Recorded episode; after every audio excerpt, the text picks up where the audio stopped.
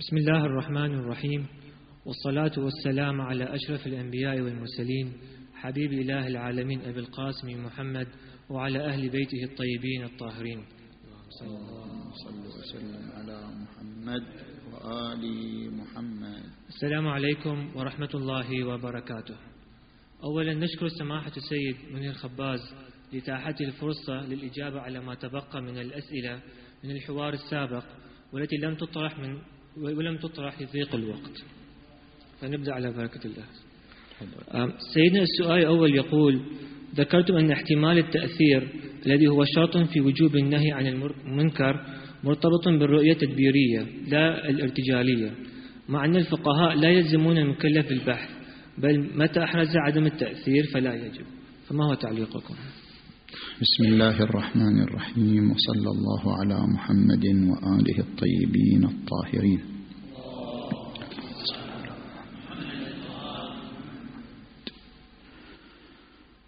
عندنا أدلة قرآنية وروايات معصومية تدل بإطلاقها على وجوب الأمر بالمعروف والنهي عن المنكر مطلقا. سواء أحرز الإنسان التأثير في الطرف الآخر أم لم يحرز. ولكن أخرج الفقهاء عن هذه الأدلة صورة إحراز عدم التأثير. لو أن المكلف أحرز أن لا تأثير للأمر ولا للنهي. قالوا هذه الصورة خارجة عن الإطلاقات الآمرة بالأمر بالمعروف والنهي عن المنكر. وذلك لأن النهي عن المنكر مع إحراز عدم التأثير يكون لغوا. لذلك صورة إحراز عدم التأثير هي خارجة لبا عن الأدلة التي تأمرنا بالأمر بالمعروف والنهي عن المنكر. فيبقى تحت هذه الإطلاقات صورة احتمال التأثير. ولو كان هذا الاحتمال احتمالا ضعيفا حينئذ يجب الأمر بالمعروف والنهي عن المنكر. فلو فرضنا أن المكلف بحسب قراءته للمنكر الذي فعله صديقه أو ولده أو جاره أو من يتصل به رأى أنه إن اعتمد على نفسه لن يؤثر ولكن لو أدخل طرفا آخر يؤثر عليه أن يدخل طرفا آخر. ولا يجوز له بأن يقول أنا لا أحتمل التأثير إذا اعتمدت على نفسي. ما دمت تحتمل التأثير بمساعدة عامل آخر عليك أن تضم هذا العامل. لو فرضنا أن المكلف لا يحتمل التأثير إذا اقتصر على نفسه ولكن لو استعان بعمل مؤسساتي أو استعان بعمل جماعي لاثر في ذلك وجب عليه ذلك.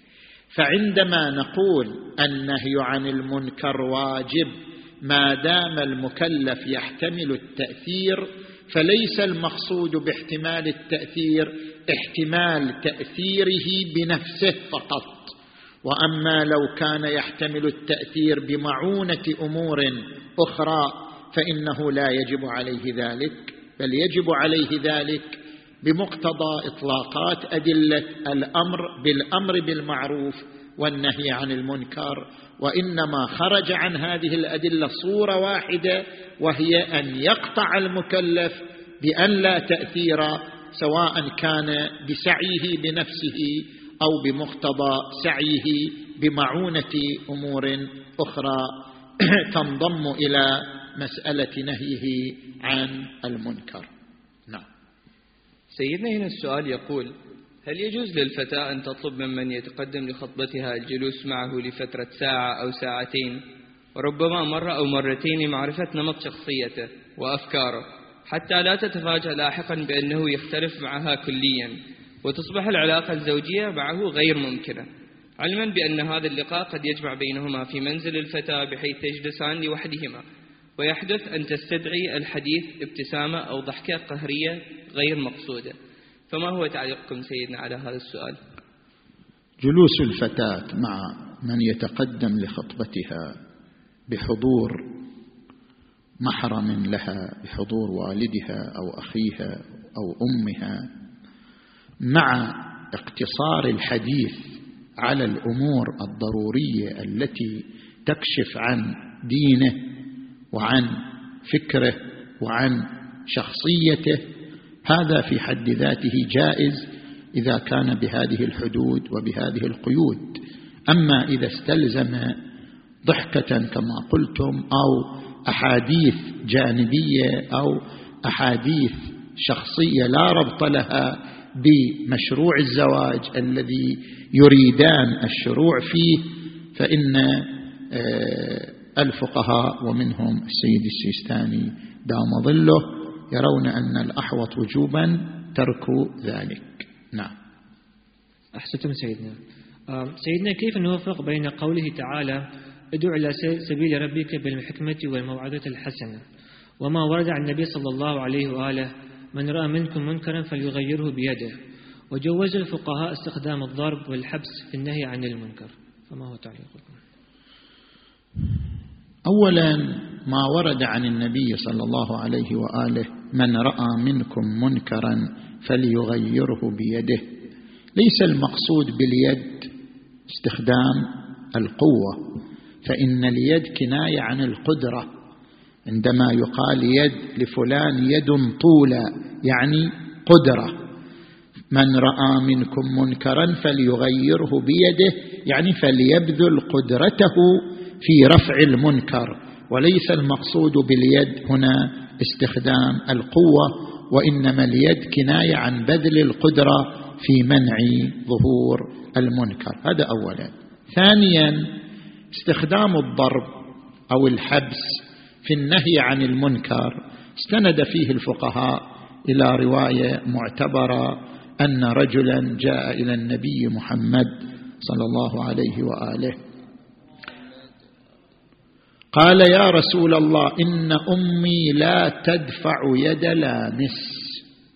يعني والعياذ بالله تتعرض للفاحشة. إن أمي لا تدفع يد لامس فكيف أصنع معها؟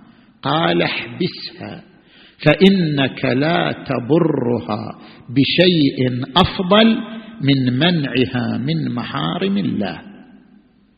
فاستفاد الفقهاء من هذه الرواية المعتبرة أنه يجوز التوسل بالضرب أو الحبس في سبيل منع المنكر إذا توقف منع المنكر عليه. ولكن لأن الضرب أو الحبس يقتضي التصرف في الإنسان الآخر ولا ولاية للإنسان على أن يتصرف في الإنسان الآخر في جسمه أو في توابعه ولواحقه. لذلك قالوا كما ذكر السيد السيستاني في المنهاج أنه يشترط إذن الحاكم الشرعي يشترط اذن الحاكم الشرعي في ممارسة الضرب أو الحبس في سبيل النهي عن المنكر. وإذا ضربه من أجل النهي عن المنكر فأحدث فيه خدشا أو جرحا أو حتى احمرارا فإنه يدفع الدية نفس النهي عن المنكر يضمن الدية للشخص العاصي لأنه استخدم معه القوة التي أحدثت جرحا أو خدشا أو احمرارا أو ما شكل ذلك. نعم. أحسنتم سيدنا. سيدنا السؤال التالي يقول يحدث أن يطلب بعض الأزواج من زوجاتهم تغيير مراجع التقليد الذي ترجع هذه النسوة له في أحكام الشرع وقد يتجاوز الطلب إلى أمر ويتبع الزوج أسلوب التشكيك في أعلمية ذلك المرجع الذي تقلده زوجته. أو حتى في أهليته للفتوى واجتهاده ويصر على جعلها تغير التقليد وإن دون قناعة بالإجبار أو الإكراه. فما حكم هذه التصرفات؟ وهل تصبح الزوجة مجبرة على طاعة زوجها كارهة؟ علما بأن بعض الحالات تستدعي أن تكذب الزوجة لتقول بأنها مقتنعة حتى تتخلص من أذية زوجها لها. ولكنها في عمق قلبها غير مقتنعة والسبب هو زوجها وأسلوبه في التشكيك المستمر. بمعنى هل تقليد الشخص هل تقليد شخص معين من مراجع الدين مدعاة لتواجد أزمة في البيت نظرا لعدم قبول أحد الطرفين مرجع الطرف الآخر؟ فما هو تعليقكم سيدنا؟ المهم أن يستند الإنسان في تقليده إلى حجة شرعية. ومقصودنا من الحجة الشرعية أن يستند إلى قول أهل الخبرة. وقد ذكرنا في الليالي السابقة ليس كل معمم أو كل عمامة تظهر على شاشة التلفزيون أو كل شخص نثق به فهو من أهل الخبرة. لا أهل الخبرة هم أساتذة البحث الخارج المعروفون مو أي أستاذ بحث خارج المعروفون في الحوزات العلمية بأستاذتهم وبحثهم معروفون بعلميتهم. هم هؤلاء أهل الخبرة. هم الذين يشخصون من هو المرجع الجامع للشرائط شرائط التقليد الذي يكون أعلم وأفقه من غيره في مورد الاختلاف في الفتوى. أنتم تعرفون الآن كثير ممن يدعي المرجعية وكثير ممن يتصدى للمرجعية لأنه يملك إعلام ويملك شاشة تلفزيونية أو يملك قنوات تلفزيونية أو يملك مروجين أو يملك دعاة. هذا ليس كافيا في المرجعية والتقليد. لابد أن تستند المرجعية إلى اعتراف حوزوي يعني إلى اعتراف من داخل الحوزة إلى إقرار من داخل الحوزة. مثل أي جامعة أخرى. أنت الآن يجيك واحد يقول لك أنا طبيب. ما طالبة بشهادة من جامعة معترف بها أنه طبيب؟ يجي واحد انت عندك شركة تريد توظف إنسان في شركة تقول لك والله أنا مهندس ما طالبة بشهادة من جامعة معترف بها في مجال الهندسة. يعني بس الفقه طايح حظه. يعني في الطب نطالب بشهادة وفي الهندسة نطالب بشهادة وفي مثلا أي اختصاص علمي نطالب بشهادة. بس من نجي للدين طايح حظه. نقبل أي واحد أي عمامة أي آه، عمامة تظهر على شاشة التلفزيون. أي إنسان عنده إعلام أي إنسان عنده أموال نقبل بعلميته ومرجعيته وأعلميته وإلى آخره وإلى آخره. لا الدين أثمن من ذلك كله. كما نطالب في التخصصات الأخرى شهادة موثقة من جامعة معترف بها. أيضا من يتصدى للإفتاء والمرجعية. نطالب نطالبه بشهادة من الحوزة المعروفة إما حوزة النجف الأشرف أو حوزة قم المقدس الحوزة المعروفة أن تعترف بعلميته بجامعيته للشرائط بأهليته للإفتاء وذلك عن طريق الرجوع إلى أهل الخبرة. فإذا استندت الزوجة أو الزوج إلى حجة شرعية من هذا القبيل ليس للزوج حق أن يناقش زوجته أو يغير تقليدها أو يشككها في تقليدها لأنه غير مقتنع بمرجعها. ليس له ذلك وليست له الولاية. ولا يجب على الزوجه أن تطيعه كما لا يجب على الزوج أن ينقاد لزوجته في تشكيكها أو مطالبتها بتغيير المرجع. المهم أن يستند إلى حجة شرعية. فإذا افترضنا أن الزوجة لم تستند إلى حجة شرعية أو الزوج لم يستند إلى حجة شرعية في تقليده فتنصحه ماكو أكثر من هذا. يعني ليس للزوج إجبارها وليس للزوجة إجبار الزوج. ليس لأحدهما تجاه الآخر إلا النصيحة والإرشاد بأن عليك أن تتبع الحجج الشرعية المعروفة في الحوزات العلمية. نعم. أحسنتم سيدنا. سيدنا إذا كان لدينا في الفقه الشيعي فقه اجتماعي وفهم اجتماعي للنصوص فهل ينسجم ذلك مع منع الفقهاء من التبني مع الحاجة الاجتماعية الشديدة لهؤلاء الأطفال بالاندماج في المجتمع؟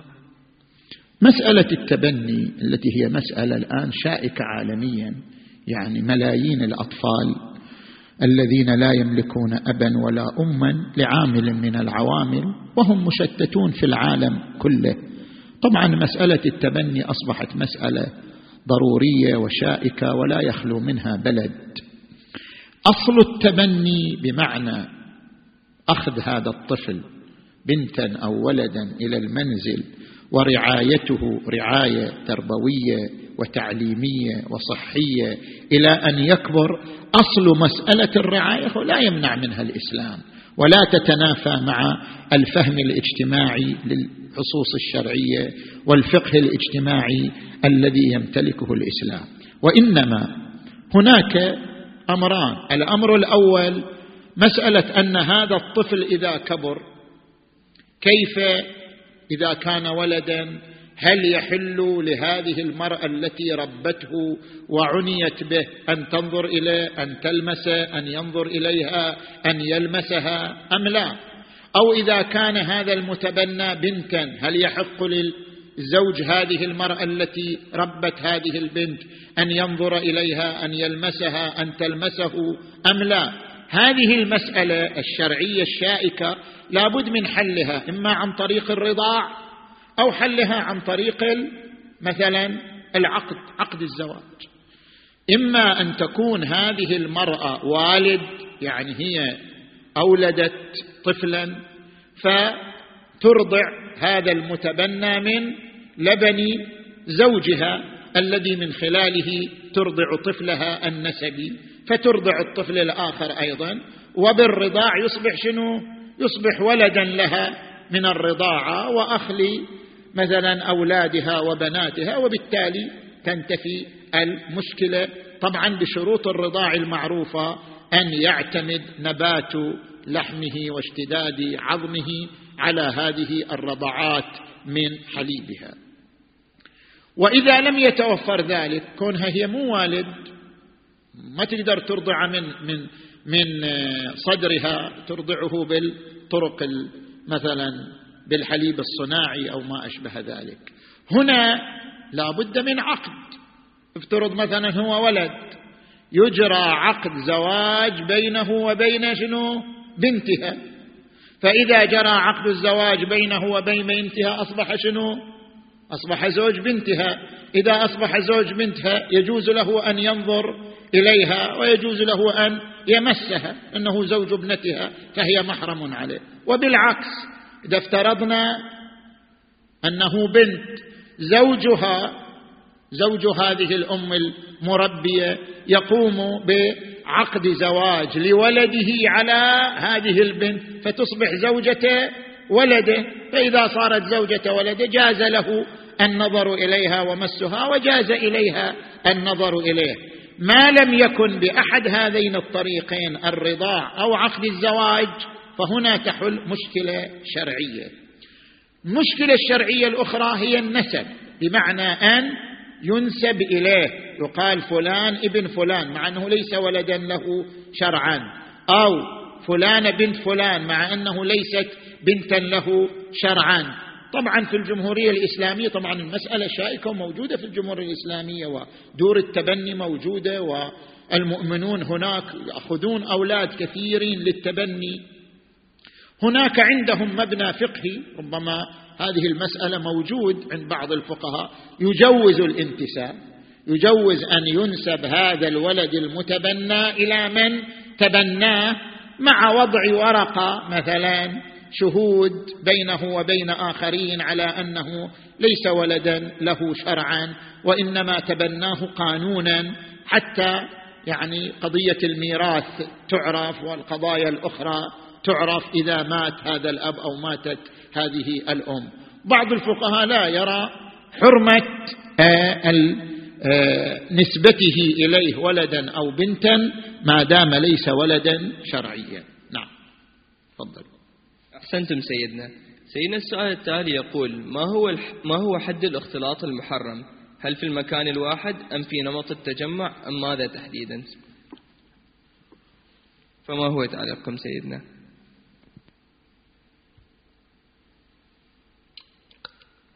الاختلاط المحرم هو اجتماع الذكر والأنثى في مكان واحد بحيث يجر هذا الاختلاط بالتدريج إلى عمل محرم إما نظرتين شهويتين إما لمسين إما إثارة الدواعي الشهوية بينهما. وأما إذا لم يكن كذلك كما إذا كان في الجامعة أو في مكان العمل أو في مكان عام فحينئذ لا يكون هناك مانع شرعي إلا إذا ترتب عليه عناوين ثانوية ذكرناها في الحوار السابق كأن يلزم منه هتك حرمة المؤمنة أو وهن تدينها أو ظهور حالة شاذة في المجتمع توجب وهن التدين. في هذا المجتمع الإيماني. نعم. أحسنتم سيدنا. سيدنا هل يصح تفسير الآية المباركة ولا تجهر بالقول فإنه يعلم السر والأخفى؟ وأخفى وأخفى. بمرتبة السر كما ذكرتم في المحاضرة مع أنه خلاف السياق؟ السياق القرآني وهو قوله تعالى وإن تجهر بالقول فإنه يعلم السر وأخفى. طبعا نحن ذكرنا في عدة محاضرات مو في هذه السنة في السنين السابقة أن للقرآن ظهرا وبطنا. ظهر القرآن هو المعنى المستفاد من سياق الآية الكريمة أو سياق الآيات التي قبلها أو بعدها. وأما البطن فهو لوازم المعنى. ما يستلزمه هذا المعنى من لوازم عقلية فهي بطون القرآن. وإن لم تكن مستفادة من سياق الآية أو سياق الآيات الشريفة إلا أنها لوازم المعنى بمعنى أن المعنى بينه وبين هذه المعاني ملازمة عقلية. فهذه تسمى بطون القرآن. إذا جئنا إلى السر السر ما يختلج في صدر الإنسان وما هو أخفى من ذلك الميول التي قد لا يلتفت لها الإنسان لكنها تظهر في فترات معينة. فهناك سر وهناك أخفى. السر وأخفى لهما لوازم. من لوازمهما المكان أين موضع السر وأين موضع الأخفى؟ لذلك استشهد بعض العلماء بهذه الآية على العقل الباطن. العقل الباطن ليس هو المعنى الظاهر من الآية. وإنما هو لازم المعنى أي لازم السر وهو ما يختلج في صدر الإنسان ولازم الأخفى وهو ما يكون ميولا للإنسان. لازم ذلك وجود قوة تكون موضعا لهذه الميول وتلك القوة التي تكون موضعا لهذه الميول هي العقل الباطن. لذلك قال في هذه الآية إشارة للعقل الباطن بلحاظ أنه لازم للمعنى المستفاد من الآية وليس هو المعنى الظاهر من الآية. كذلك اختلاجات الصدر المسماه بالسر أو الميول المختزنة لدى الإنسان المعبر عنها بالأخفاء هذه إن كانت شيطانيه كانت مصيرا لل للمثلا الهلاك. وأما إذا كانت رحمانية هذه الاختلاجات وهذه الميول إذا كانت رحمانية كانت مرآة لأسماء الله وصفاته مجمعا لأسماء الله وصفاته. فبلحاظ اللازم صار من بطون الآية وصول الإنسان إلى مرتبة السر وأخفى وهي مرتبة كون الإنسان مجمعا لصفات الله وأسمائه بلحاظ ما يختلج في صدره وبلحاظ ميوله وغرائزه. فهذا تفسير بالباطن وليس تفسيرا بالظاهر. نعم. طبعا هذا المعنى ذكره الإمام الخميني في كتابه الآداب المعنوية وأشار إليه الملكي جواد التبريزي في أيضا كتابه آه، أسرار الصلاة. نعم. أحسنتم سيدنا. سيدنا في الوقت الذي يدعو فيه سماحة السيد السيستاني حفظه الله مقلديه إلى اعتبار المسلم الآخر كنفسه نجد أن البعض لا يتقبلون الآخر الشيعي بسبب الاختلاف في الرؤى العلمية فما هو حد الاختلاف المسموح في الدائرة الواحدة؟ بحيث أنه ليس من المفروض مجابهته بالحدة والتهويل أو وضع علامة رفض له. فما هو تعليقكم سيدنا؟ ذكرت أنا عدة مرات وفي عدة حوارات. طبعا المشكلة في الحوارات. أكو مجموعة من الإخوة يقول لك إحنا ما نجي الحوارات. دا محاضرة نجي حوارات ما نجي. ليش؟ لأنها متكررة. الأسئلة كل سنة هي نفسها. الاختلاط والتقليد والموسيقى والخبز. كل سنة نسمع نفس ال... يعني نفس هذه السيمفونية. كل سنة نسمع نفس هذه النغمة. فلهذا إحنا ما نحضر الحوارات. لهذا إحنا ندعو في الحوارات القادمة أن تجمع مسائل أكثر تجذر في مجال المعرفة في مجال السلوك في مجال القضايا الاجتماعية المصيرية بدل من تكرار هذه الأسئلة التي تتكرر سنويا. زين. نجي إلى مسألة هذا السؤال طبعا يتكرر. ذكرنا جواب عدة مرات. عندنا ضرورات وعندنا نظريات. المذهب فيه ضرورات وفيه نظريات. ضرورات المذهب الإمامة العصمة القضية المهدوية لوازم الإمامة لوازم العصمة. هذه قضايا ضرورية. مظلومية أهل البيت هذه قضايا ضرورية للمذهب مسلمات المذهب. الخلاف فيها يعني خلاف جذري. وأما الاختلاف في القضايا النظرية اختلاف في رجعة أهل البيت. هل يرجع جميع أهل البيت إلى الدنيا أو لا؟ هذا خلاف في قضية نظرية. الاختلاف في بعض الشعائر وبعض الطقوس هذا اختلاف في قضايا نظرية. الاختلاف في بعض العادات والتقاليد التي اعتاد عليها مثلا مجتمع اللواتية أو اعتاد عليها مجتمع البحارنة. هذا اختلاف في قضايا نظرية لا تمس المذهب. لا ينبغي أن نضخم الاختلاف في القضايا النظرية ونحوله إلى خلاف وعداء وحزازه هو أخي وجزء مني وأرحب به وأقبل به وأعيش معه. وإن كان يختلف معي في بعض القضايا النظرية اختلف معي في رجعة الأئمة اختلف معي في بعض الشعائر اختلف معي في بعض الأمور هو أخي يمسني ما يمسه أحترمه ويحترمني وإن اختلف معي في بعض هذه الأمور. أما الاختلاف في ضرورات المذهب فهذا لا يعني أن يكون بيني وبينه عداوة لكنني أنصحه وأرشده وأوجهه إلى أنك تختلف معي في ضرورات المذهب التي قد تؤثر على انتمائك لمذهب أهل البيت صلوات الله وسلامه عليهم أجمعين. فأكون في مقام الناصح والمرشد والموجه. نعم. سماحة السيد كيف نبني سلوكنا العملي في الحياة على نظريات ما يسمى العلم النفس التطبيقي وهو لم يعترف به حتى الآن علما في العرف الأكاديمي؟ وكيف نفسر الآيات والروايات على ضوء نظرياته وهي قابلة للتغيير؟ ألا يوجب ذلك ردة فعل سيئة من الدين مستقبلا؟ هذه النقطة تعرضت لها في العام الماضي أنا ما جيت مو؟ العام اللي قبله. تعرضت لها في العام الذي قبله في تفسير القرآن وذكرت في المحاضرة هناك التفسير العلمي وهناك التدبر العلمي وهناك الإعجاز العلمي وفرقت بين هذه المفاهيم الثلاثة للقرآن الكريم. هنا ألخص الموضوع أقول تفسير القرآن بنظرية علمية سواء كانت في العلوم الطبيعية أو في العلوم الإنسانية. تفسير أي رواية بنظرية علمية هذا هذا منهج خاطئ. تفسير يعني أن نصل إلى التفسير أن نقول المراد الجدي المقصود لله من هذه الآية هي هذه النظرية. المقصود الجدي من قوله والسماء بنيناها بأيد وإنا لموسعون هي نظرية هابل في تمدد الفضاء.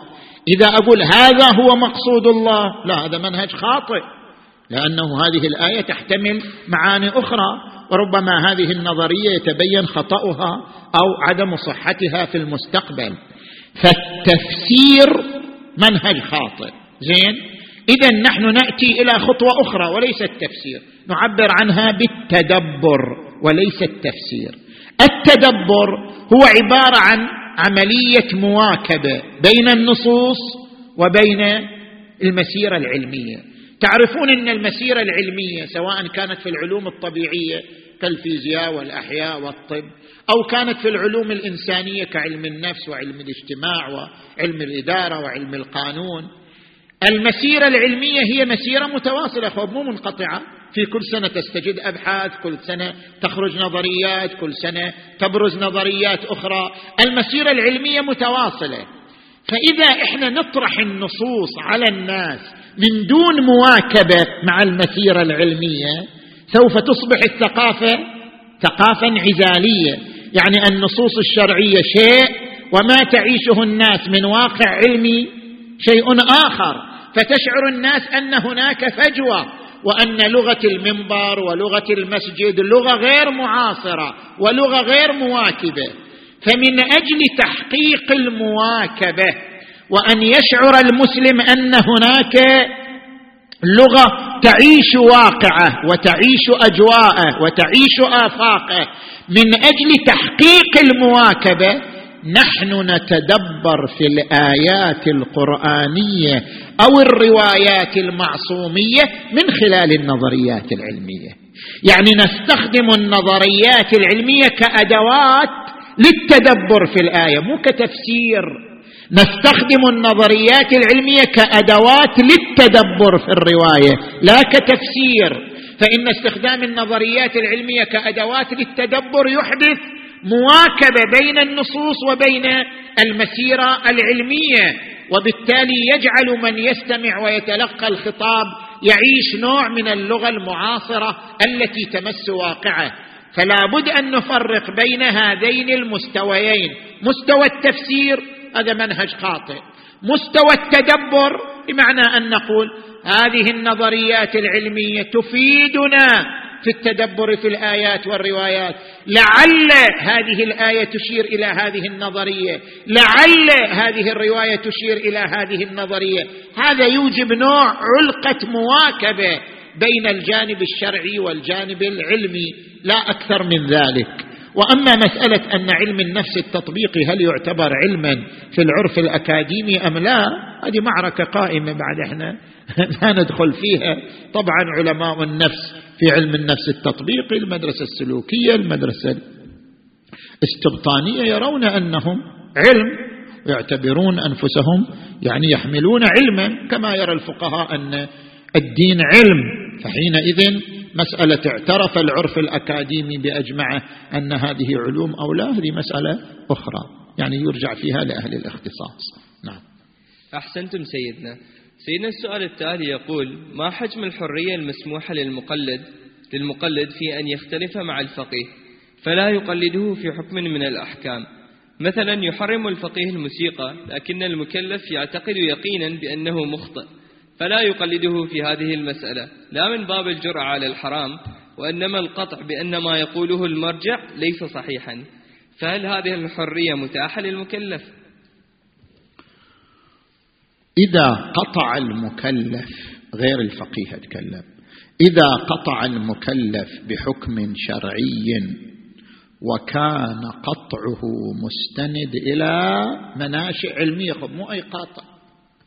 والله أنا أجي والله أنا أقطع بأن الموسيقى حلال والله أنا أجي أقطع بأن آه، المصافحة للمرأة حلال والله أنا أجي أقطع بأن التبني حلال.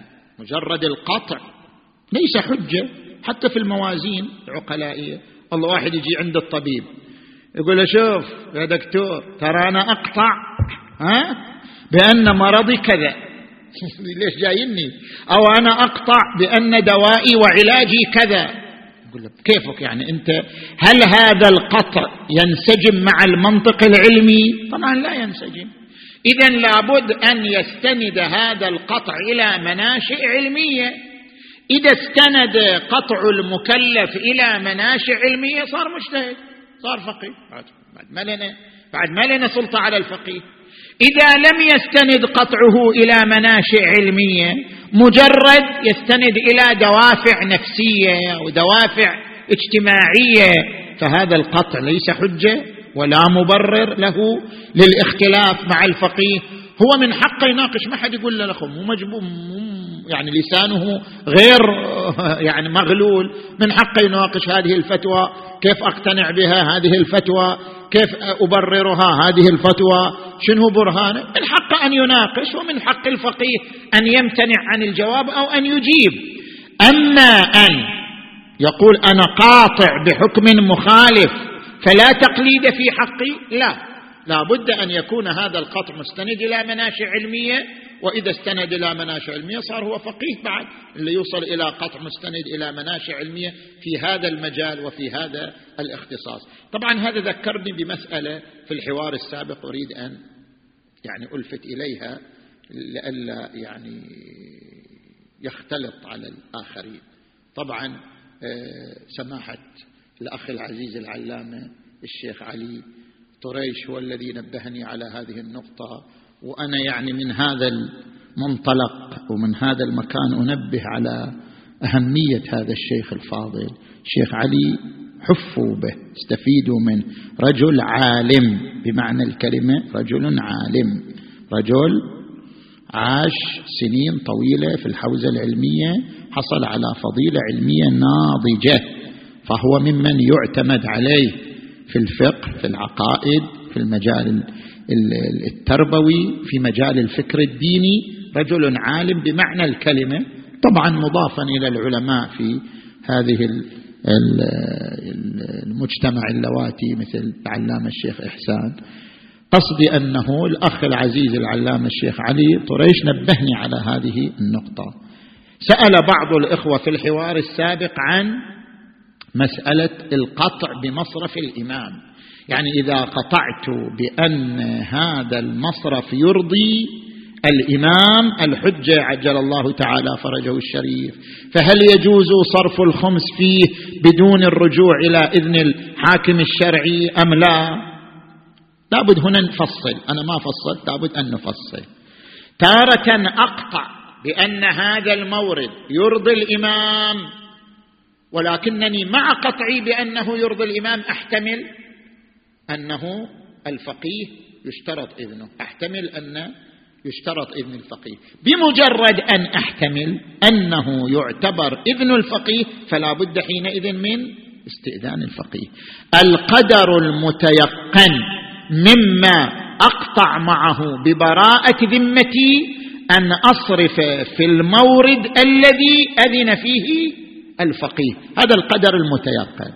أما إذا لا قطعي أعلى من هذا. يعني قطعي بدرجه أعلى.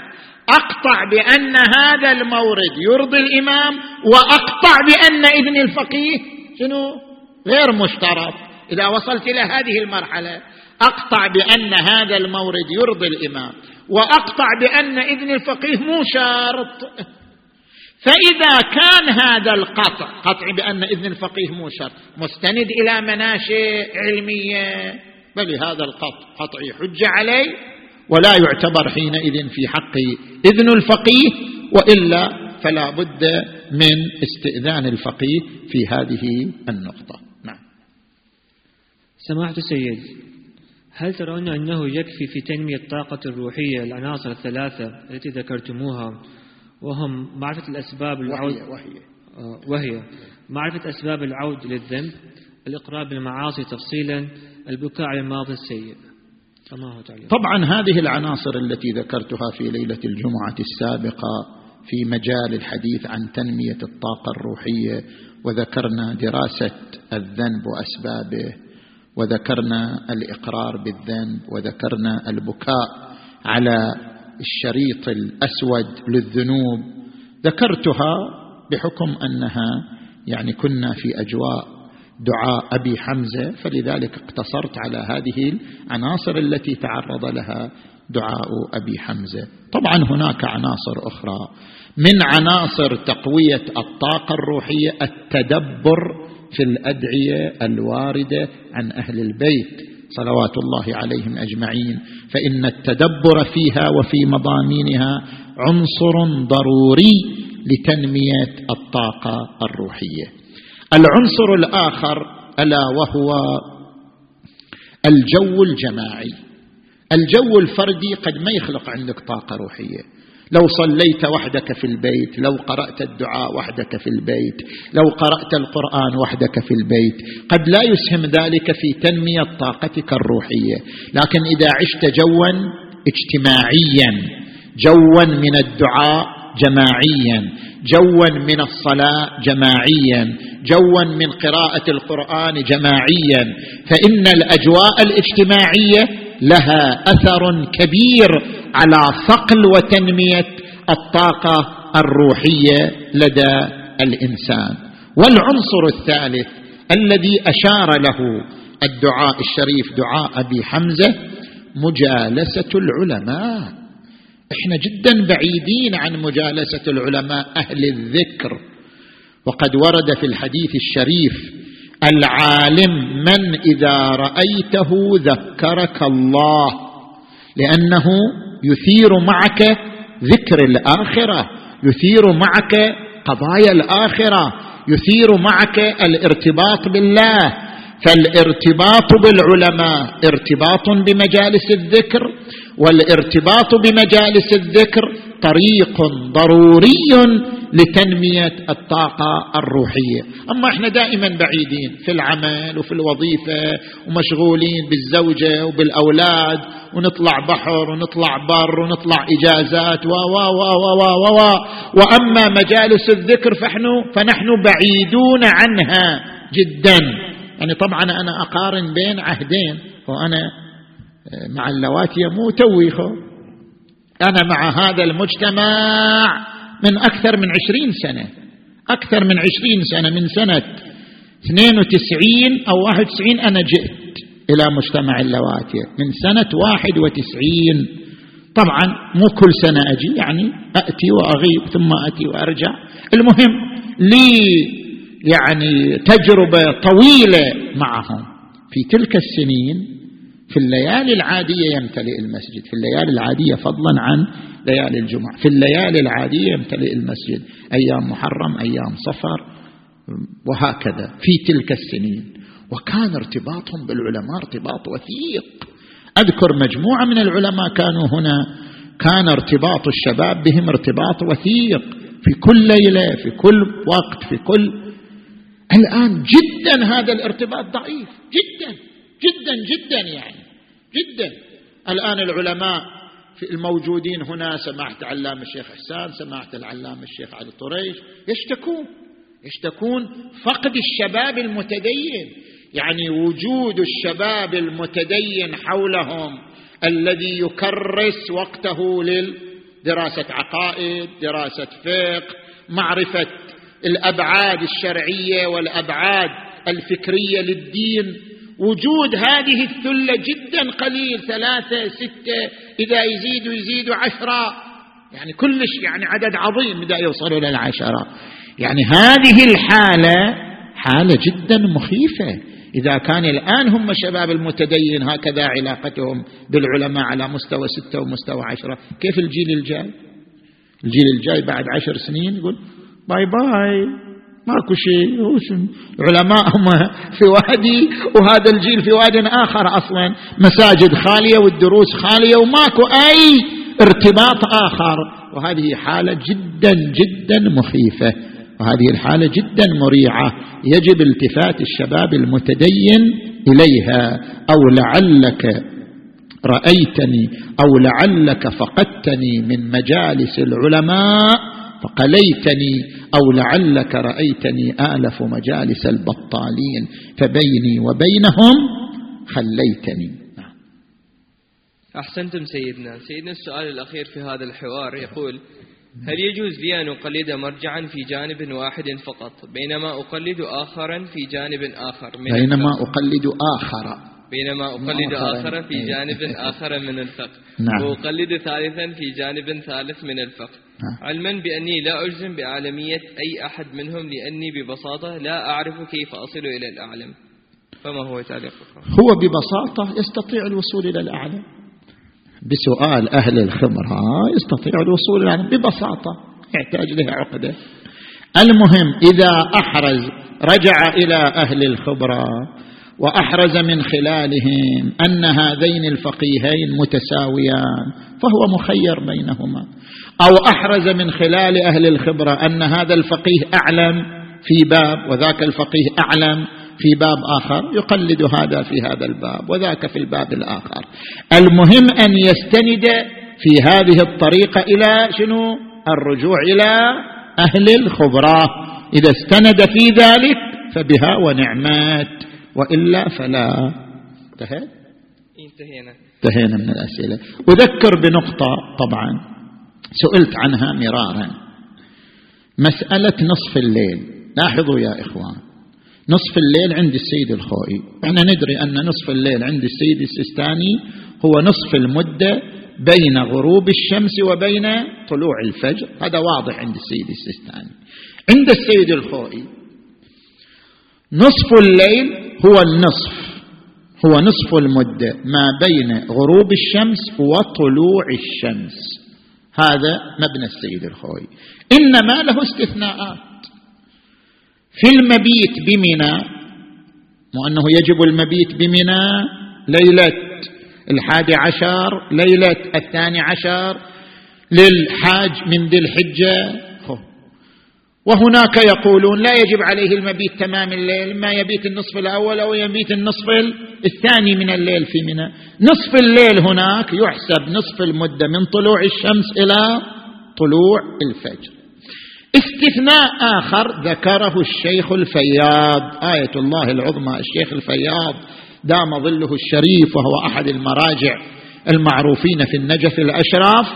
شيخ الفياض كما تعرفون هو كان أحد أعضاء مجلس الاستفتاء للسيد الخوئي. يعني هو خبير بفتاوى السيد الخوئي بآرائه لأنه كان أحد أعضاء مجلس الاستفتاء للسيد الخوئي وكان يعول عليه السيد الخوئي في الاستفتاءات.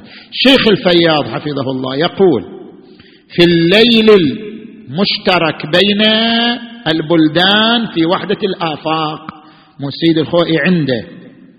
إذا ثبت الهلال في بلد يشترك مع بلدك في ليل واحد يجوز لك التعويل على ذلك على تلك الرؤية. رؤيا الهلال بشهود عدول في بلد يشترك مع بلدك في ليل واحد. يجوز لك التعويل على ذلك الثبوت وتلك الرؤية. ما معنى الليل الواحد؟ في هذه المسألة مو في مطلق المسائل.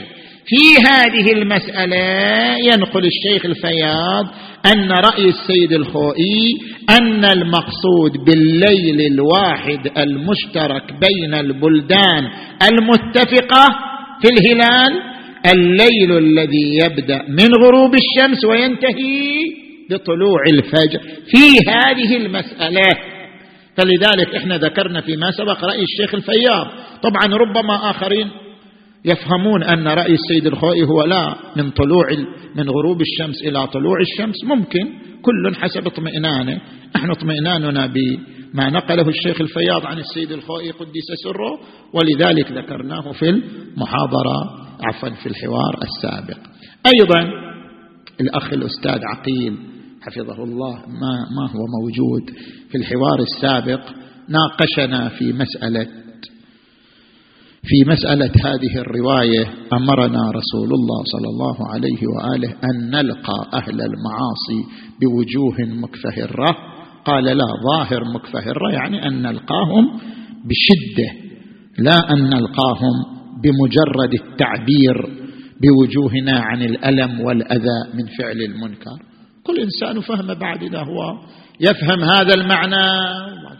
كل إنسان حسب ما يفهم من الرواية. أنا أفهم من الرواية نلقاهم بوجوه مكفهرة يعني نظهر لهم من خلال قسمات وجوهنا كراهتنا لما فعلوا من المنكر وألمنا لما فعلوا من المنكر. أما أن يكون التقطيب إلى حد أن آه شو نسميها يعني يكون زجرا ويكون تنفيرا إلى هذا الحد أنا لا أفهم من الرواية اللي يفهم من الرواية؟ هو يعمل بما فهم. النقطة الأخرى اللي ذكرها الأستاذ عقيل أنه السيد الخوئي ذكر حرمة مجالسة أهل المعاصي. نعم السيد الخوئي في كتاب مصباح الفقاهة يعني في بحثه الاستدلالي في مصباح الفقاهة في المكاسب المحرمة ذكر هذا الحكم الذي تعرض له الشيخ الأنصاري وهو حرمة مجالسة أهل المعاصي ذكر هذا الحكم السيد الخوئي وذكر له روايات تدعمه كما نقل الأستاذ عقيل وأنا راجعت بنفسي أحببت أن أنبه على ذلك. والحمد لله رب العالمين والصلاة والسلام على محمد وآله الطيبين الطاهرين.